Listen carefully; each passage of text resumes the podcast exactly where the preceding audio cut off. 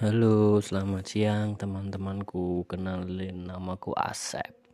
Di podcast siang hari ini aku ingin ngobrol ya tentang apa namanya perkembangan sosial media yang ada di dunia terutama yang ada di Indonesia ya di negara kita sendiri. Oke. Jadi sosmed pertama kali ya aku cerita dulu ya yang pertama kali aku mainin sosmed itu kalau nggak salah Facebook itu waktu kelas 6 SD kelas 6 SD aku buat Facebook itu masih dibantuin sama tetanggaku gitu deh buatin Facebook itu. Cuman aku namanya masih kecil dan gaptek jadi aku uh, susah itu buatnya maininnya tuh gimana.